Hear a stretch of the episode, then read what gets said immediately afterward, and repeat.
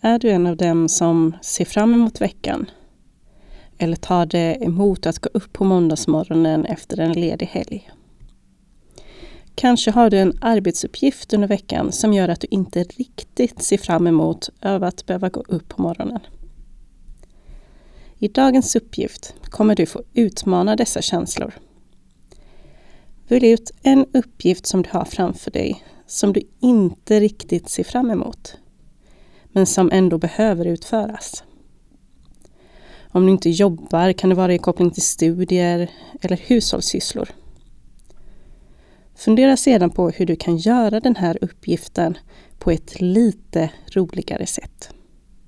Hur kan du se till att det blir lite roligare att få gjort uppgiften?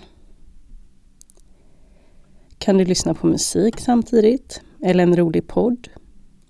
Du kanske kan göra uppgiften tillsammans med någon annan. Eller lägga upp arbetsuppgiften på ett helt nytt sätt. Försök vara kreativ. Vad är då syftet med denna uppgift? Jo, positiva känslor är såklart en stark bidragande faktor till ditt välmående.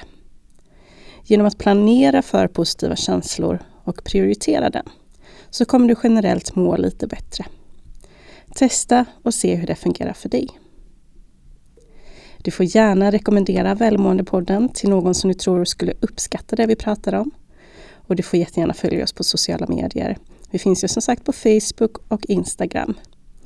Stort tack för att du lyssnar!